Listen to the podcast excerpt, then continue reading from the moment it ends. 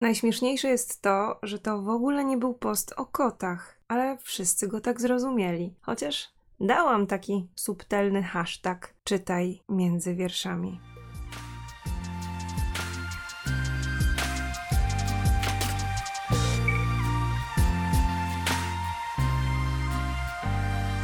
Nazywam się Barbara Jurga, a to jest podcast Baha Art. Pasja ma głos.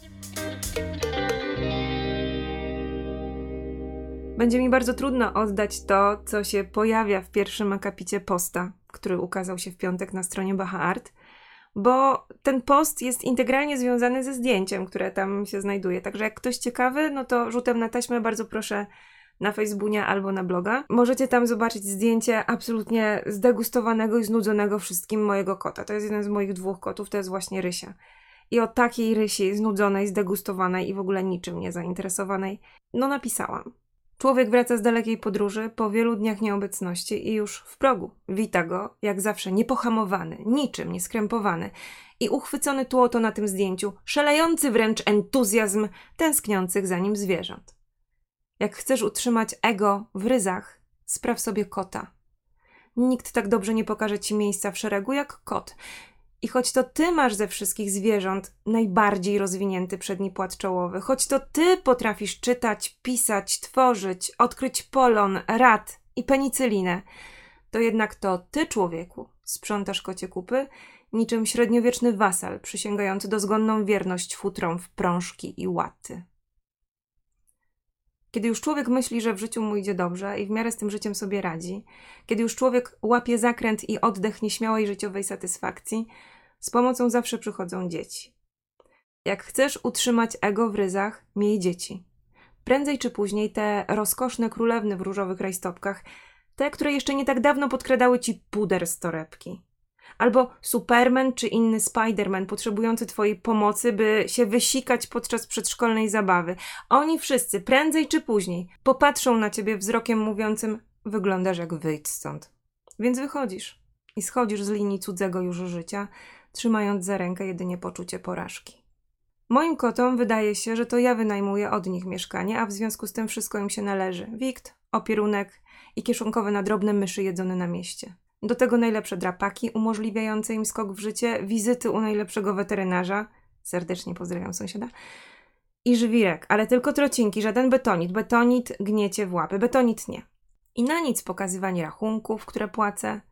Rozmowy o odpowiedzialności i dojrzałości też, mam wrażenie, na nic. Jestem po prostu dostawcą jedzenia do misek, restauracją i kucharką w jednym, pokojówką i bankiem. Jestem też pocieszycielką strapionych, gdy zmarznie dupka na dworze, a inne koty rozedrą brudnym pazurem futro, zaraz przy sercu. Tym wszystkim codziennie jestem. Chciałabym czasem na miło. Podchodzę, wyciągam rękę, a tu ogon jak szczotka, irokes gigant na grzbiecie i podzespół syczący włączony na maksa. You talking to me? Czasami uzmysławiam im, że nie wyrabiam, że mi ciężko, że świat nie tylko wokół nich, że trzeba wycierać łapy, że kanapa nie do drapania i że jaszczurek do domu już to chyba tysiąc razy mówiłam. Nie, nie wolno jaszczurek wnosić. Przez balkon też nie że ludzi trzeba szanować, że nie można raz tak, raz tak, jak humor dopisze. Mówię im wtedy, a raczej chcę im powiedzieć, że w dupach im się poprzewracało, bo miska pełna, kocyk ciepły, że nigdy w kolejce nie stali, że inne koty mają naprawdę gorzej, że już mam dość tego karlingu, który uprawiam w zamian za kocie gówno. Koleżanki mówią, że z wiekiem to się zmienia, że przychodzi taki czas, kiedy łapie się porozumienie, bo kotu już się tak nie chce szaleć, walczyć, zdobywać że wtedy jest miło, że można sobie czasem pomruczeć, że wtedy spokojnie leżą już na swoim parapecie, uśmiechają się, pytają, co u ciebie, a jedna łapa zawsze im zwisa w dół. Tak na znak porozumienia, na zgodę. No cóż, czasami jest tak, że dojadą nas ludzie. Nasi ludzie, nie nasi ludzie, znajomi ludzie, obcy ludzie. No jacyś ludzie nas po prostu dojadą. I wtedy kreatywny twórca, czyli każdy, kto jest wysoko wrażliwy, przeżywa to dużo bardziej, dużo dłużej i dużo głębiej. I niesie to dojechanie kilka dni, czasami nawet kilka tygodni, No w ekstremalnych sytuacjach czasami całe lata nie puszcza jakiegoś takiego głębszego albo mocniejszego dojechania. Myślę, że jestem najlepszym przykładem, a może nie najlepszym, ale namacalnym przykładem tego, że z takiego długiego niesienia wszystkich ran, problemów i dojeżdżań, jakkolwiek to teraz nie brzmi, da się wyjść. Czyli da się ten czas skrócić do przysłowiowego minimum. No bo wiecie, jak to z nami jest. My wysoko wrażliwi, i tutaj celowo mówię wysoko wrażliwi, a nie nadwrażliwi, bo wczoraj była fantastyczna sytuacja w grupie kursantów kursu Żyj z pasją i z pasji, gdzie robimy teraz live. Ja o tych live'ach za chwilę Wam powiem. Kursanci, którzy chcą, podłączają się do takich transmisji na żywo i opowiadają jakiś fragment swojego życia. I wczoraj właśnie Magda powiedziała, że bardzo nie lubi terminu nadwrażliwi, dlatego że on jest nacechowany pejoratywnie i kurczę faktycznie jest, no bo z takiej, taka nadwrażliwość to jest taka pancia, która leży na kanapie, ma globusa i przypadkiem mm, nie wolno do niej podejść, no bo w ogóle to nie mów do mnie teraz, tak? Wysoko wrażliwość to jest kompletnie inny kaliber wrażliwości. To jest właśnie coś, co odpowiada za to, że my chcemy tworzyć. Bo my głębiej przeżywając, my odbierając świat troszeczkę inaczej niż przeciętni ludzie, wykorzystujemy właśnie tę naszą cechę, tę naszą wysoką wrażliwość do tego, żeby potem spod naszych rąk wyszło coś, czego jeszcze świat nie widział. Bez znaczenia, jakie to jakościowo jest. Tak, my mamy taką potrzebę, i tym się po prostu karmimy. Więc bardzo fajnie Magda powiedziała, że nadwrażliwość to taki termin, który jej bardzo nie pasuje, a wysokowrażliwość jest bardziej takim terminem już neutralnym, który nie niesie tego nacechowania związanego właśnie z jakąś kicią w bamboszach z dużym puszkiem na przykład. No więc My, wysoko wrażliwi, jak nas bardzo mocno dojedzie życie, to mamy takie tendencje do tego, żeby wchodzić w negatywne myśli. Trochę szerokim łukiem, ale nawiązuje do tego, że jestem namacalnym przykładem tego, że ten czas przeżywania da się skrócić. No i oczywiście za tym stoją pewne rzeczy, które ja w swoim życiu chciałam wykonać y, w tym kierunku, żeby, żeby nie nieść tego całego problemu jakiegoś dojechania. Jednym z takich moich kroków, żeby właśnie było mi lepiej w życiu, żeby, te, żeby ten komfort życia dla mnie był lepszy, bo ja sobie nie wybrałam tej wysokowrażliwości. Ja się taka urodziłam. Więc miałam wybór, stojąc na takim e, metaforycznym rozstaju dróg. Albo z tą wysoką wrażliwością zostaję ever na całe życie, albo coś z tym zrobię. No więc wybrałam taką ścieżkę, że jednak chciałam coś z tym zrobić, chciałam to zmienić i w moim przypadku to była normalna, regularna, czteroletnia terapia, która spowodowała, że jestem kompletnie innym człowiekiem, ale to dzisiaj nie o terapii będzie. W każdym razie to, że Ci o tym mówię, że możemy to zmienić, potraktuj jako nie wyjątek od jakiejś tam reguły, tylko namacalny dowód na to, że jak podejmiesz taką decyzję, że chcesz coś z tym zrobić, to możesz coś z tym zrobić. No tylko trzeba, trzeba to zrobić. Te negatywne myśli dla nas nie są wygodne. One są nam zupełnie niepotrzebne i ja zawsze wtedy, kiedy wchodzę w takie negatywne myślenie, a, a mam do tego tendencję absolutnie mm, taką, no wręcz neurotyczną bym powiedziała. Ja się dzisiaj z tego śmieję, bo ja dzisiaj jestem w bardzo takiej dobrej kondycji, ja bardzo lubię nagrywać podcast i w ogóle dzisiaj mnie nikt nie dojechał i dzisiaj jest fajnie. Natomiast jeżeli ma się za sobą takie zakręty życiowe, jakie miałam wątpliwą przyjemność przeżyć, no to to nie zostaje bez śladu w naszym organizmie, w naszym ciele, również w naszej psychice. I ja takich tendencji do, do kasowania siebie, do, do dołowania siebie, do mówienia, że ja sobie nie poradzę, że, że ja nie dam rady, no to ja mam w swoim mm, życiu dosyć y, dużo i w zasadzie takie tendencje po prostu mam. O, tak, tak to można lepiej powiedzieć. Myślę, że odpowiada za to parę osób, które mi mm, pomogło wzmocnić te niedobre tendencje we mnie, ale to też nie jest podcast o tych osobach, więc przejdźmy do innych rzeczy. Te negatywne myśli, one są dla nas trudne, dla każdego człowieka są trudne, ale dla nas szczególnie, bo my, wiecie, mocniej, głębiej i bardziej dosadnie. Ja zawsze w takich momentach, kiedy te negatywne myśli na mnie nachodzą, absolutnie fascynuję się tym, co z nami może robić nasz mózg, nasz umysł, bo to już tak jest, że w zasadzie my nie musimy czegoś fizycznie widzieć, żebyśmy to coś mogli poczuć. My możemy sobie o czymś pomyśleć i my mamy wysyłane z naszego mózgu takie sygnały do naszego organizmu, jakby to coś się faktycznie działo. Czyli tak naprawdę, kiedy oglądamy film, jakiś, nie wiem, romans, dramat psychologiczny albo romans i dramat rodzinny i się okazuje, że tam są jakieś trudne historie, to przecież tych historii tak naprawdę w naszym pokoju nie ma one są tylko na ekranie. To widzi nasza głowa, nasz mózg to przetwarza i my współodczuwając, a że nasza empatia jest po prostu ogromna. No więc my współodczuwając, odczuwamy smutek tych bohaterów, odczuwamy też radości tych bohaterów. I wie to każdy kreatywny twórca, wie to każdy wysoko wrażliwy człowiek, który podobnie jak ja ryczy na kreskówkach i na jelonku Bambi. I tutaj zawsze mam ochotę dać taki, znowu powiem przykład, no ale chcę dać taki przykład z cytryną, z połówką cytryny, którą wyobraź teraz sobie, że ktoś niedaleko od twojej twarzy zaczyna wyciskać. Ściska tę połówkę cytryny i na twoich oczach z tej cytryny wycieka po prostu sok. Nie wiem, do szklanki, z wodą albo z herbatą, obojętnie mam wrażenie, bo ja już mam trudność w ogóle, żeby cokolwiek dalej powiedzieć, bo w moich ustach jest pełno śliny. Mam wrażenie, że tobie też mogła, albo była taka szansa, że się udzieliła, taka cytrynowa wizja, która skutkuje tym, że nasze ślinianki ruszają y, po prostu do boju i, i produkują nam ślinę, chociaż tej cytryny tak naprawdę faktycznie nie ma. To wspomnienie i wszystkie te rzeczy, które są zapisane w naszym mózgu, związane z tą cytryną, powodują, że nasz mózg widzi coś w wyobraźni, powiedzmy. Jezu, ja przepraszam wszystkich neurologów i psychiatrów, ja się na tym kompletnie nie znam, ja tylko po prostu kocham mózgi, dużo o tym czytam, ale niekoniecznie muszę umieć o tym fachowo opowiedzieć. Ale opowiadam tak, jak umiem.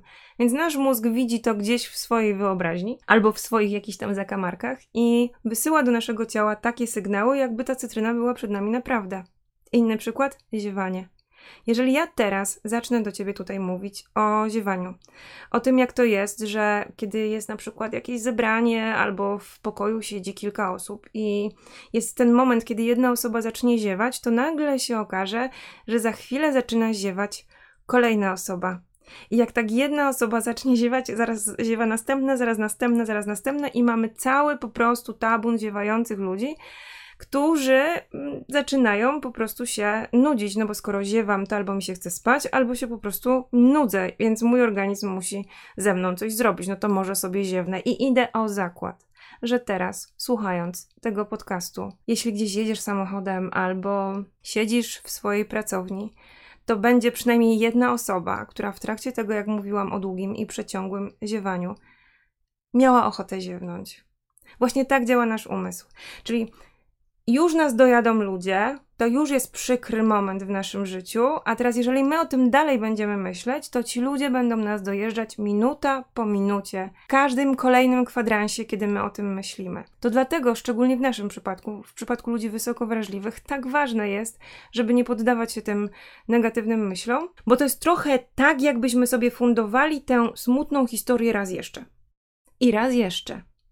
No i jeszcze raz wtedy, kiedy zadzwonimy do koleżanki, żeby jej to wszystko opowiedzieć. I jeszcze raz, kiedy napiszemy o tym na Facebooku.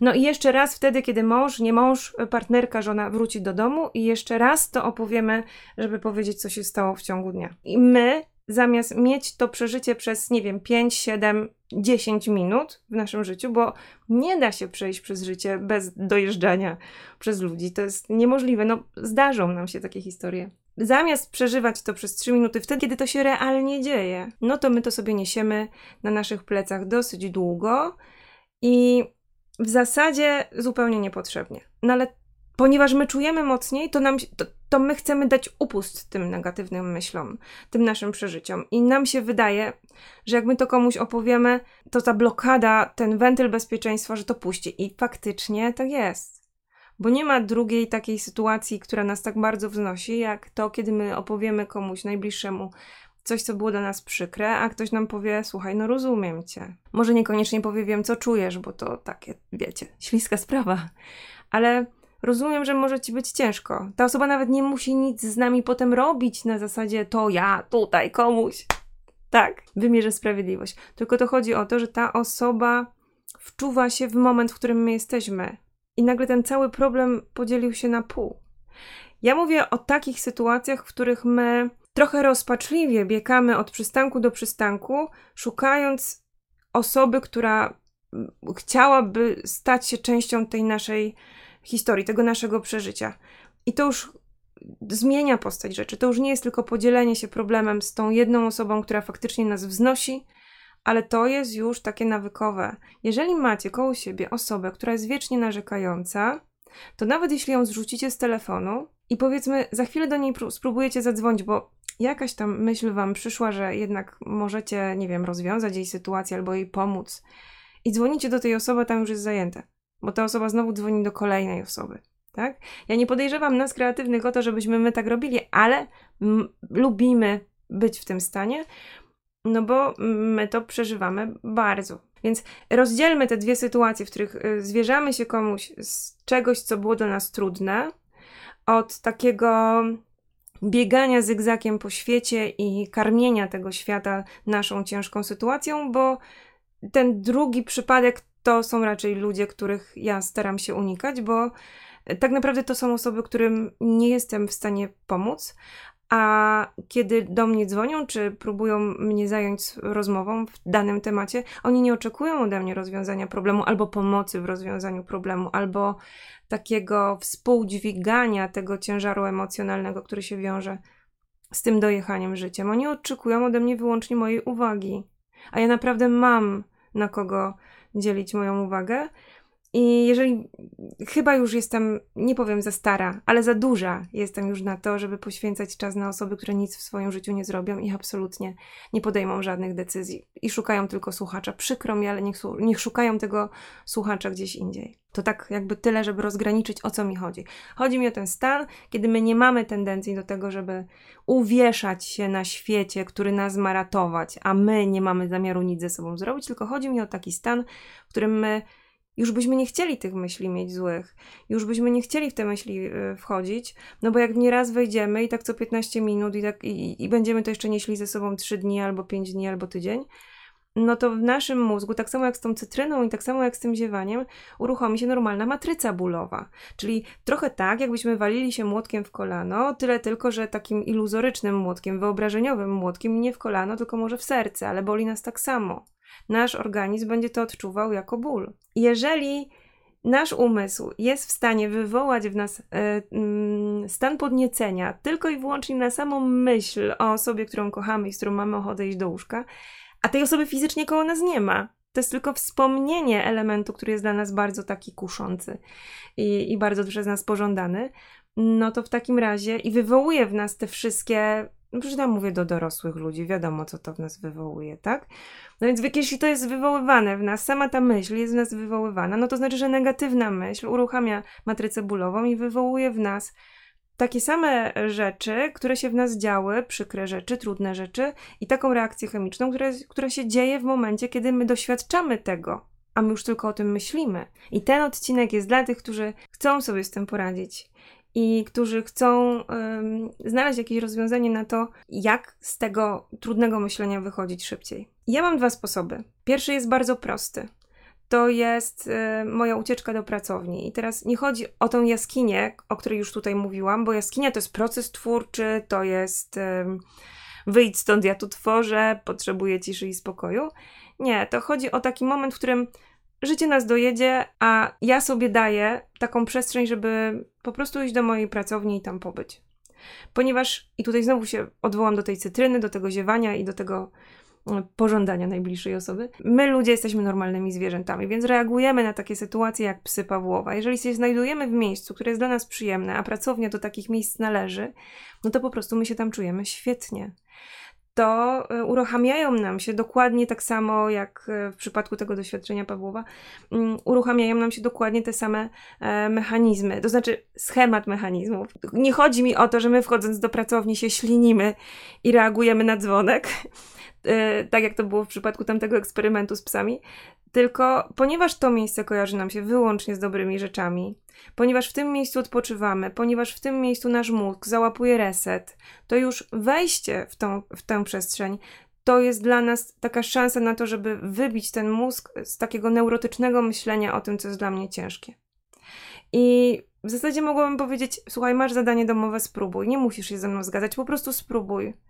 Ale no przecież ja mówię do dorosłych ludzi. Jak będziesz chciał, chciała spróbować, no to spróbujesz. Ja tylko ci to tak tutaj zostawię, że ja tak robię i u mnie to działa. Jak wchodzę do takiej pracowni, to włączam muzykę, taką samą, jakiej słucham przy malowaniu obrazów. I wtedy w zasadzie otoczona jestem wszystkimi tymi bodźcami, które towarzyszą mi wtedy, kiedy mnie jest bardzo dobrze. Ja nie potrafię medytować, nie potrafię siąść na poduszce i afirmować, nie wiem, wszechświat, czy cokolwiek tam się robi, tak? Mieć w głowie próżnię. Moja głowa nie ma próżni. W mojej głowie jest pierdyliard myśli, które e, przechodzą przez e, moją wirtualną scenę, galopując jak po prostu velociraptory. Jak ktoś nie wie, co to są velociraptory, to odsyłam do Parku Jurajskiego. To są takie małe dinozaury, które bardzo szybko zapierniczają i są bardzo groźne, szczególnie jak są negatywne a velociraptory są negatywne. No więc mam te velociraptory naszych myśli, w sensie moich myśli, i ja medytować nie potrafię, ale załapałam, że jak maluję, to, to wchodzę w taki stan medytacyjny.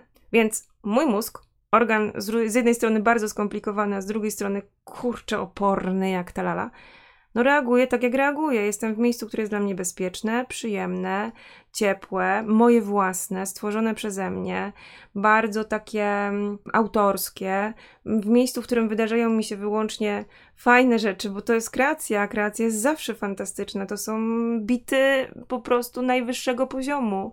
E, mówię o tym wszystkim, co się dzieje w naszych emocjach, wtedy, kiedy coś robimy w tych naszych pracowniach, obojętnie co to jest.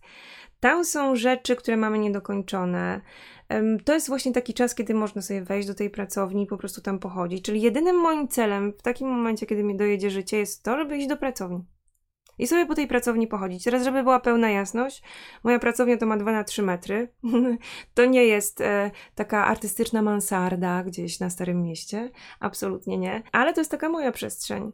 Ja sobie wtedy przeglądam te podobrazia, które są w, w trakcie pracy, zastanawiam się, co by tu można zrobić. Yy, sprzątam, lubię sprzątać, lubię segregować, lubię mieć porządek. I ja czasami nie mam tam co robić. To znaczy, żebym, się, żebym była dobrze zrozumiana. Projekty, które mam rozpoczęte, które są w toku mojej pracy, one wymagają kompletnie innej energii pracy. Ja nie mogę taka dojechana życiem zacząć czegoś tam, nie wiem, kończyć czy malować, bo to by się skończyło źle i dla mnie, i dla tego, co maluję.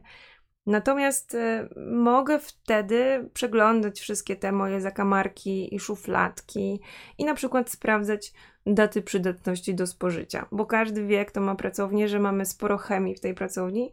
No i te terminy, które tam są na opakowaniu napisane, że coś się nadaje albo nie nadaje, no to czasami nam wychodzą, my nawet nie zauważamy kiedy. Albo coś już zeschło, albo zaschło, albo coś było niedokręcone, no bo, no bo sobie nie dokręciliśmy. No i to jest właśnie ten moment, kiedy zawsze to mijam i sobie myślę, muszę to wyrzucić, muszę to wyrzucić. No i właśnie przyszedł ten dzień, taki właśnie, a nie inny, kiedy ja to, ja to po prostu wyrzucam. I nie dość, że mam takie poczucie, bo to się odpala momentalnie. W zasadzie ja sobie zaobserwowałam, a wiecie, że ja mam wszystko policzone, że ja potrzebuję 45 minut na to, żeby z tego stanu jest mi źle, wejść w stan zupełnie neutralny. No i ma na to wpływ właśnie przebywanie w tej mojej pracowni i, i muzyka, którą tam puszczam i rzeczy, które robię. Bo jak się zajmiemy jakąś konkretną pracą, czyli na przykład sprzątaniem tych szuflad, albo sprawdzaniem, ile jeszcze mam podobrazić, czy ja już muszę zrobić zakupy na, na Allegro, czy tam na jakimś, jakimś innym sklepie internetowym, czy ja mam wszystkie pędzle wyczyszczone, albo no zniszczyły mi się jakieś pędzle, no to co, no to może wyrzucić albo przyciąć, bo może takim przyciętym pędzlem będę mogła uzyskać inną fakturę, kiedy będę znowu malować. No więc 45 minut i w zasadzie zaczynam wychodzić do takiego stanu neutralnego. I to jest coś fajnego, bo wtedy, kiedy e, przyjdzie mąż, nie mąż, partner, nie partner, czy nawet przyjdzie nam rozwiązać problem z osobą, która nas dojechała, bo przecież takimi rzeczami w życiu się zajmujemy, rozwiązujemy nasze problemy, to wtedy, kiedy my jesteśmy wyprowadzeni z tego stanu negatywnego, no to to rozwiązywanie mm, zaczyna załapywać taki fajny zakręt, z którego wychodzimy i zaczynamy wychodzić na fajną, prostą. To, to rozwiązywanie jakichkolwiek zagwozdek, to wtedy jest, mm, wygląda jak poszukiwanie rozwiązań, a nie bo ty, bo ja, bo mnie, bo komuś. Bo... Tego po prostu nie ma. Jesteśmy neutralni, wiemy, że coś się zadziało, trzeba to rozwiązać. W pracy nas dojechali, tu nas dojechali, tu nas życie gdzieś tam przycięło. No co ja mogę z tym jako dorosły człowiek zrobić? No mogę dużo. Jako dziecko nie mogłem, a teraz jako osoba dorosła mogę. Ja mogę nie wiedzieć, co ja chcę zrobić. Ale ponieważ jestem osobą dorosłą, mogę sobie wymyśleć na przykład takie rozwiązanie, to ja muszę zadzwonić do ziutki, bo ziutka może wie, i wtedy, kiedy jestem taka wyprowadzona z tego, z tego zakrętu, to ja wtedy konkretnie dzwonię do ziutki na zasadzie stara e, taki temat, co w takim temacie robimy, nie? Albo co by można najlepszego zrobić.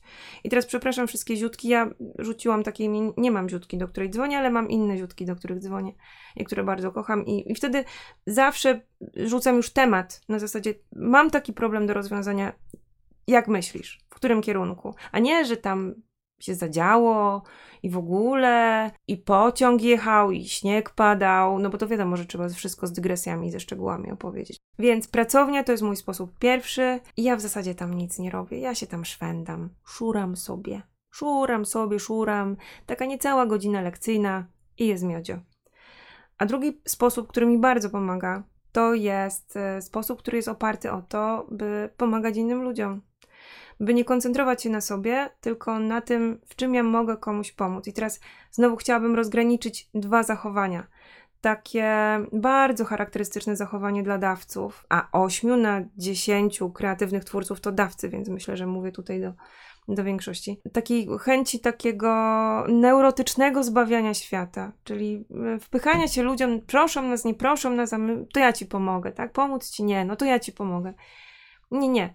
Mówię o takiej sytuacji, w której jeżeli się okaże, że gdzieś w moim otoczeniu jest jakiś problem, jakaś zagwozdka do rozwiązania, ktoś potrzebuje pomocy, rady albo po prostu wysłuchania, to ja wtedy zostawiam to moje dojechanie życiem w koszyczku, tak na później, i koncentruję się na tej innej stronie, na innej osobie. Prawdę powiedziawszy, no ktoś sobie teraz może pomyśleć, no ale jakie jest prawdopodobieństwo, że wtedy, kiedy mnie życie dojedzie, to ja właśnie zauważę, tę inną osobę, która czegoś potrzebuje, żeby tutaj to w koszyczku, a skupić się na kimś innym. No właśnie to jest ta empatia. To jest też fantastyczna wycieczka dla naszego ego, żeby nie koncentrować się na tym, co my, tylko żeby włączyć uważność, co świat. Czasami to jest zwierzę. Potrzebuje wyszczotkowania futra, albo wyjścia na spacer, albo umycia miski, bo mleko skwaśniało, albo naładowania nowych tych kulek do jedzenia, do takiego karmniczka, żeby się wysypywało na nowo i żeby było zawsze świeże. To nie musi być człowiek. To może być człowiek i oczywiście świetnie, jeśli jest, ale czasami uwagi wymaga coś innego. Na przykład możemy wtedy posprzątać, nie wiem, piwnicę albo sypialnię, albo przejrzeć rzeczy, w których już nie chodzimy i oddać je z myślą o innych osobach. To też jest wtedy takie trochę poprzez rzeczy koncentrowanie się na tym, żeby komuś może dzięki tym naszym nieużywanym ubraniom było lepiej. No ja mam taką ścieżkę. Natomiast ja mam pewien komfort i to jest coś, co jest absolutnie fantastyczne i fenomenalne. Jest grupa. Jest grupa kreatywnych twórców, uczestników kursu Żyj z pasją i z pasji. To są ludzie rozwalcowani przez kurs. To na pewno. Zresztą oni mówią, że to nie jest kurs, tylko to jest Jumanji. I oni są czasami na mnie źli, że, że ten kurs jest zrobiony tak, jakbym siedziała u nich w przedpokoju i nagrywała ten kurs, dokładnie oddając jeden do jeden z tego, co się dzieje u nich w ich życiu. Natomiast no, w tej grupie zawsze jest jakieś wyzwanie. Mówię o takim wyzwaniu na zasadzie jakiś kocurek tam płacze i mówi, że gdzieś utknął i z czymś sobie no na razie nie chcę poradzić. Mówię, mówiąc nie chcę, mówię o tym, że oczywiście, że sobie ze wszystkim poradzą, bo to są świetni ludzie i w ogóle kuci na cztery nogi. Natomiast no, jeszcze utrzymują, że nie umieją sobie z tym poradzić. Więc ja to nazywam, że nie chcą sobie poradzić tak naprawdę. No więc tam mam zawsze taką przestrzeń do tego, żeby a to sobie zajrzę na grupę i sobie sprawdzę, co tam słychać. Więc jak mi życie dojeżdża, to ja zawsze mam taką wyspę w postaci zamkniętej grupy dla kursantów, gdzie zawsze sobie znajdę kogoś albo jakieś zadanie, na którym się mogę skoncentrować. No i teraz kursanci już wiedzą, yy, że jak jestem bardziej aktywna w grupie, to znaczy, że oj, słabo w życiu, słabo. To oczywiście żart był. Teraz w grupie dzieją się bardzo ciekawe rzeczy, bo wymyśliłam projekt, który będziemy wspólnie realizować z kursantami. Oni jeszcze nie mają pojęcia, na czym ten projekt będzie polegał, bo żeby w ogóle móc ze mną zrealizować ten projekt, trzeba nabyć pewnych umiejętności. Te umiejętności to opanowanie kamery we własnym telefonie, umiejętność montowania filmów i dodawania do nich, nie wiem, no napisów albo jakaś taka prosta ingerencja w ogóle w film. Teraz wszyscy y, w grupie ćwiczą live'y, ćwiczą nagrywania się komórką, y, ćwiczą autoprezentację. Warunek jest taki: pracuję tylko z tymi osobami, które pokonają pierwszy stopień, taki pierwszy próg i nagrają do, w terminie określonym, nagrają film. Bo wychodzę z takiego założenia, że mm, jest sens pracować tylko z tymi osobami, które chcą, i nie chcę doprowadzać do sytuacji, w której inni się uczą, obserwując tak zawęgła, jak to inni się spalają, bo absolutnie mm, praca na żywo i praca z kamerą to jest coś, co spala.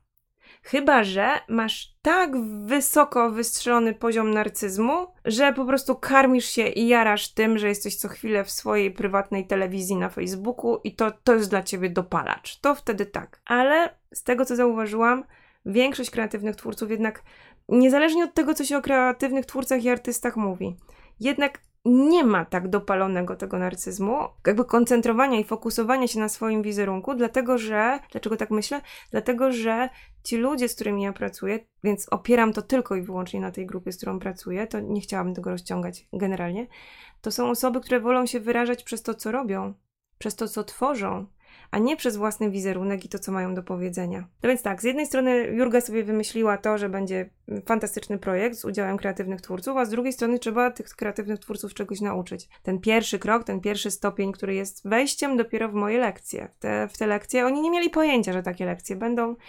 Ja sobie te lekcje wymyśliłam już dawno, dawno temu, ale teraz przyszedł ten moment, kiedy już skończyłam pisać książkę, kiedy książka jest w drukarni, kiedy się książka ma dobrze. Właśnie teraz przyszedł ten moment, kiedy ja mam czas na to, żeby się tym zająć. No i tym wielkim meandrem i zakolem doszłam do sedna. Teraz w grupie dzieli się bardzo dużo. Wszyscy wstawiają filmy, wszyscy wstawiają live'y, opowiadają o, o sobie, o tym, kim są. Zadziała się w grupie rzecz niesamowita. Niesamowita, bo my się znamy, my się znamy z postów, z komentarzy. Niektóre osoby mają nawzajem polubione swoje profile prywatne, wymieniają jakieś tam informacje na Messengerze. Czasami ktoś do kogoś dzwoni. Dochodzą mnie takie głosy, że że ludzie do siebie dzwonią, kiedy mają jakiś określony problem i, i pracują w parach, bo jednym z kilku założeń kursu jest to, żeby znaleźć sobie w grupie partnera do pracy nad swoimi jakimiś tam wyzwaniami, tak? Nie chcę tutaj za dużo zdradzać. I my się znamy, ale my się znamy z liter. My się znamy ze zdjęć. I nagle poczuliśmy przez ten cały tydzień, kiedy te, te filmy były wstawiane, my poczuliśmy, że jesteśmy silni myśmy poczuli, że nas jest bardzo dużo, że my mamy w sobie moc, bo my mamy te same problemy i nagle człowiek, i to był dla mnie absolutnie, ja wiedziałam, że tak jest, ale wiedzieć, że to tak jest na poziomie intelektualnym, a poczuć to, to są dwie zupełnie inne historie.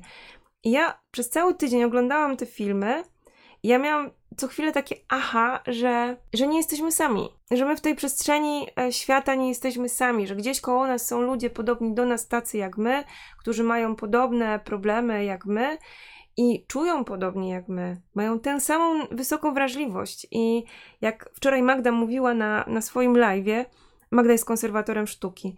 Magda mówiła na swoim live o tym, jak przygotowywała się do swojej pracy magisterskiej, gdzie z 83 kawałków rozbitego wazonu, po pierwsze rekonstruowała ten wazon w całości, a po drugie zgłębiała tajniki takich e, historii, które były na tej porcelanie tam zawarte. I ona o tym opowiadała tak, że od tego live'u się nie dało odejść. I teraz co ciekawe, co chwilę ktoś wstawiał jakiegoś live'a, co chwilę ktoś wstawiał jakiś film i w ogóle się nie dało od tej komórki, od tego komputera odejść, bo my, kreatywni, mamy w sobie tak dużo pasji, mamy w sobie tak dużo energii, że my jesteśmy szalenie interesujący. I my o tej naszej pasji potrafimy gadać absolutnie godzinami. Taki post tam e, się pojawił w tej naszej grupie, czy ja już mogę odejść od komórki i absolutnie śmiałam się po prostu jak mała hiena w filmach rysunkowych, bo ja miałam to samo. Mnie było szkoda odejść od tej komórki, bo po raz kolejny poznawałam na żywo kolejną nową osobę, która mówiła o swojej absolutnie jakiejś zakręconej pasji i te pasje są piękne. I my w tych pasjach jesteśmy absolutnie piękni i i to ten cały tydzień i koncentracja na, na grupie właśnie spowodowała, że nie dość, że ja zapomniałam o tym, co tam pisałam w tym poście w piątek, to jeszcze byłam no wyżej, dalej i wiedziałam, że w tym wszystkim nie jestem sama. I za to wszystkim kursantom absolutnie bardzo dziękuję, bo, bo doświadczyłam rzeczy mega wznoszącej. Znajdź swoje stado. To jest bardzo ważne. Przynależność do stada jest dla nas, kreatywnych twórców, bardzo ważna. My nagle jesteśmy wszyscy razem. My nagle jesteśmy tacy nasi. Okazało się, że dziewczyny w Anglii mieszkają po prostu 5 minut od siebie. Okazało się, że są w grupie dwie dziewczyny z Bydgoszczy. Co do zasady to nie jest nic dziwnego. No mogą być dwie osoby w grupie z Bydgoszczy, ale dziewczyny są w identycznej sytuacji i mają czwórkę dzieci. Każda z nich ma czwórkę dzieci. Słuchajcie, no to jest jajo. I one były w tej grupie, one się nawzajem komentowały, ale one dopiero przez te filmy i te własne historie, um, dziewczyny pozdrawiam Was bardzo serdecznie, miały szansę teraz się umówić na kawę. I one w tej Bydgoszczy już z tą czwórką dzieci i z tymi problemami ich problemami ich życia, no bo to co innego mieć. One mają, słuchajcie, one mają po 100% dzieci więcej ode mnie. to one teraz mają szansę na taką kawę, gdzie po drugiej stronie stolika będzie siedział ktoś, kto powie: Ja cię rozumiem. Taka myśl, którą chcę ci zostawić, jeszcze raz do tego wrócę, to znajdź swoje stado. Takie stado, które wznosi tak, jak myśmy teraz byli wzniesieni przez ten cały weekend. A że termin wysłania tych wszystkich filmów i live'ów był do niedzieli do godziny 24, no to sami sobie możecie dopowiedzieć w głowie, jaki ruch był e, na Facebooku, w naszej zamkniętej grupie, tuż przed północą. Ja się zawsze zastanawiałam, czy e, da się w grupie prowadzić kilka live'ów jednocześnie. No to już Wam mogę powiedzieć, da się. Da się i ten algorytm albo absolutnie to pociągnie. Znajdź swoje stado, stado, które cię pociągnie w górę, stado, które ci, e, cię wzniesie, które pomoże ci lecieć, stado, które równocześnie powie ci, no, wiesz, w tym momencie to trochę cię trzeba uziemić, bo chyba odlatujesz za daleko, ale nie skrytykuje cię, tylko powie ci, słuchaj, tu są rezerwy do wykorzystania. Chyba lepiej iść w tą stronę, przemyśl to, tak? Stado, które będzie mówiło językiem żyrafy. U nas nie ma hejtu, kompletnie, nie ma czegoś takiego jak hejt, nie ma czegoś takiego jak mądrale grupowe, które mówią, chyba żartujesz, tak? Mm, absolutnie nie ma u nas na to miejsca. Nas, nas pozytywnych, nas nakręconych, nas wspierających jest za dużo, żeby ktoś taki się chciał przy nas w ogóle ujawnić. W związku z czym, mm, jeśli wejdziesz między wrony, musisz krakać jak i one, tak? No więc jak jest grupa, w której jest fajnie, no to i też wszyscy się dostosowują do tego, że jest fajnie. No i teraz oczywiście chciałabym zacząć mówić o tym projekcie, nad którym cała grupa będzie niedługo pracować. To będzie szczególny projekt. To będzie projekt, który będzie manifestacją tego, kim my, kreatywni twórcy, jesteśmy. To będzie projekt, który myślę zrealizuje łącznie z 80 osobami, które zgłosiły się do tego projektu, bo mniej więcej tyle osób zostawiło swój film, chcąc dołączyć do, do tego całego działania. I to będzie projekt, który będzie zrealizowany metodą Dragon Dreaming. Jak nie wiesz, czym jest metoda Dragon Dreaming, odsyłam cię na fanpage Baha Art i tam możesz znaleźć posty na temat Dragon Dreamingu albo na mojego bloga na stronie bahaart.pl. Ja powiem tutaj tylko tyle, że metoda Dragon Dreaming zakłada pracę nad jakimkolwiek projektem pod warunkiem spełnienia trzech aspektów, czyli cała grupa musi się zgadzać na to, że tworzymy i razem pracujemy nad projektem, który jest dobry dla każdego z nas osobna. Czyli ja bym mogła powiedzieć, ten projekt jest dobry dla mnie, ale Jutka w naszej grupie mogłaby też powiedzieć: Ten projekt jest dobry dla mnie. Czyli każda pojedyncza osoba w tej grupie pracującej nad projektem mówi: Ten projekt jest dobry dla mnie. Ale równocześnie drugim punktem drugim warunkiem pracy w e, takim projekcie metodą Dragon Dreaming jest stwierdzenie, że to, co robimy, jest również dobre dla innych. Czyli nie tylko moje idee, moje wartości, moje, moje, moje, mojowanie jest ważne, mój ból, Jezu, podcast mi zamknął. Że to nie tylko to, co moje jest ważne, ale ważne jest też to, żeby to było ważne, dobre dla kogoś innego. Czyli nie tylko, że to jest dobre dla mnie, ale to też musi być dobre dla innych. No i trzeci warunek, w zasadzie najtrudniejszy do spełnienia, bo te pierwsze dwa to jest taka typowa praca w zespole, czyli coś jest dobre dla jednostki i dobre dla ogółu. Trzeci warunek metody Dragon Dreaming jest taki, że to, co robimy, to nad czym pracujemy, musi być dobre dla świata. I mam tutaj na uwadze cały ten e, taki great turning, który ma miejsce i odwrót od tego, żeby śmiecić, i to dbanie o naszą planetę, o Matkę Ziemię. I właśnie w ramach tych trzech podstawowych zasad poprowadzę przez całe wakacje z e, kreatywnymi twórcami w grupie kursantów Żyj z pasją i z pasji taki właśnie projekt, który będzie dobry dla mnie, który będzie dobry dla nich i będzie dobry dla świata. I to samo będzie mógł powiedzieć każdy, absolutnie każdy kreatywny twórca biorący udział w tym projekcie, ale to, to już zupełnie inna historia. Przecież wystarczy, że jesteśmy tacy, jacy jesteśmy. Ale to, to już zupełnie inna historia.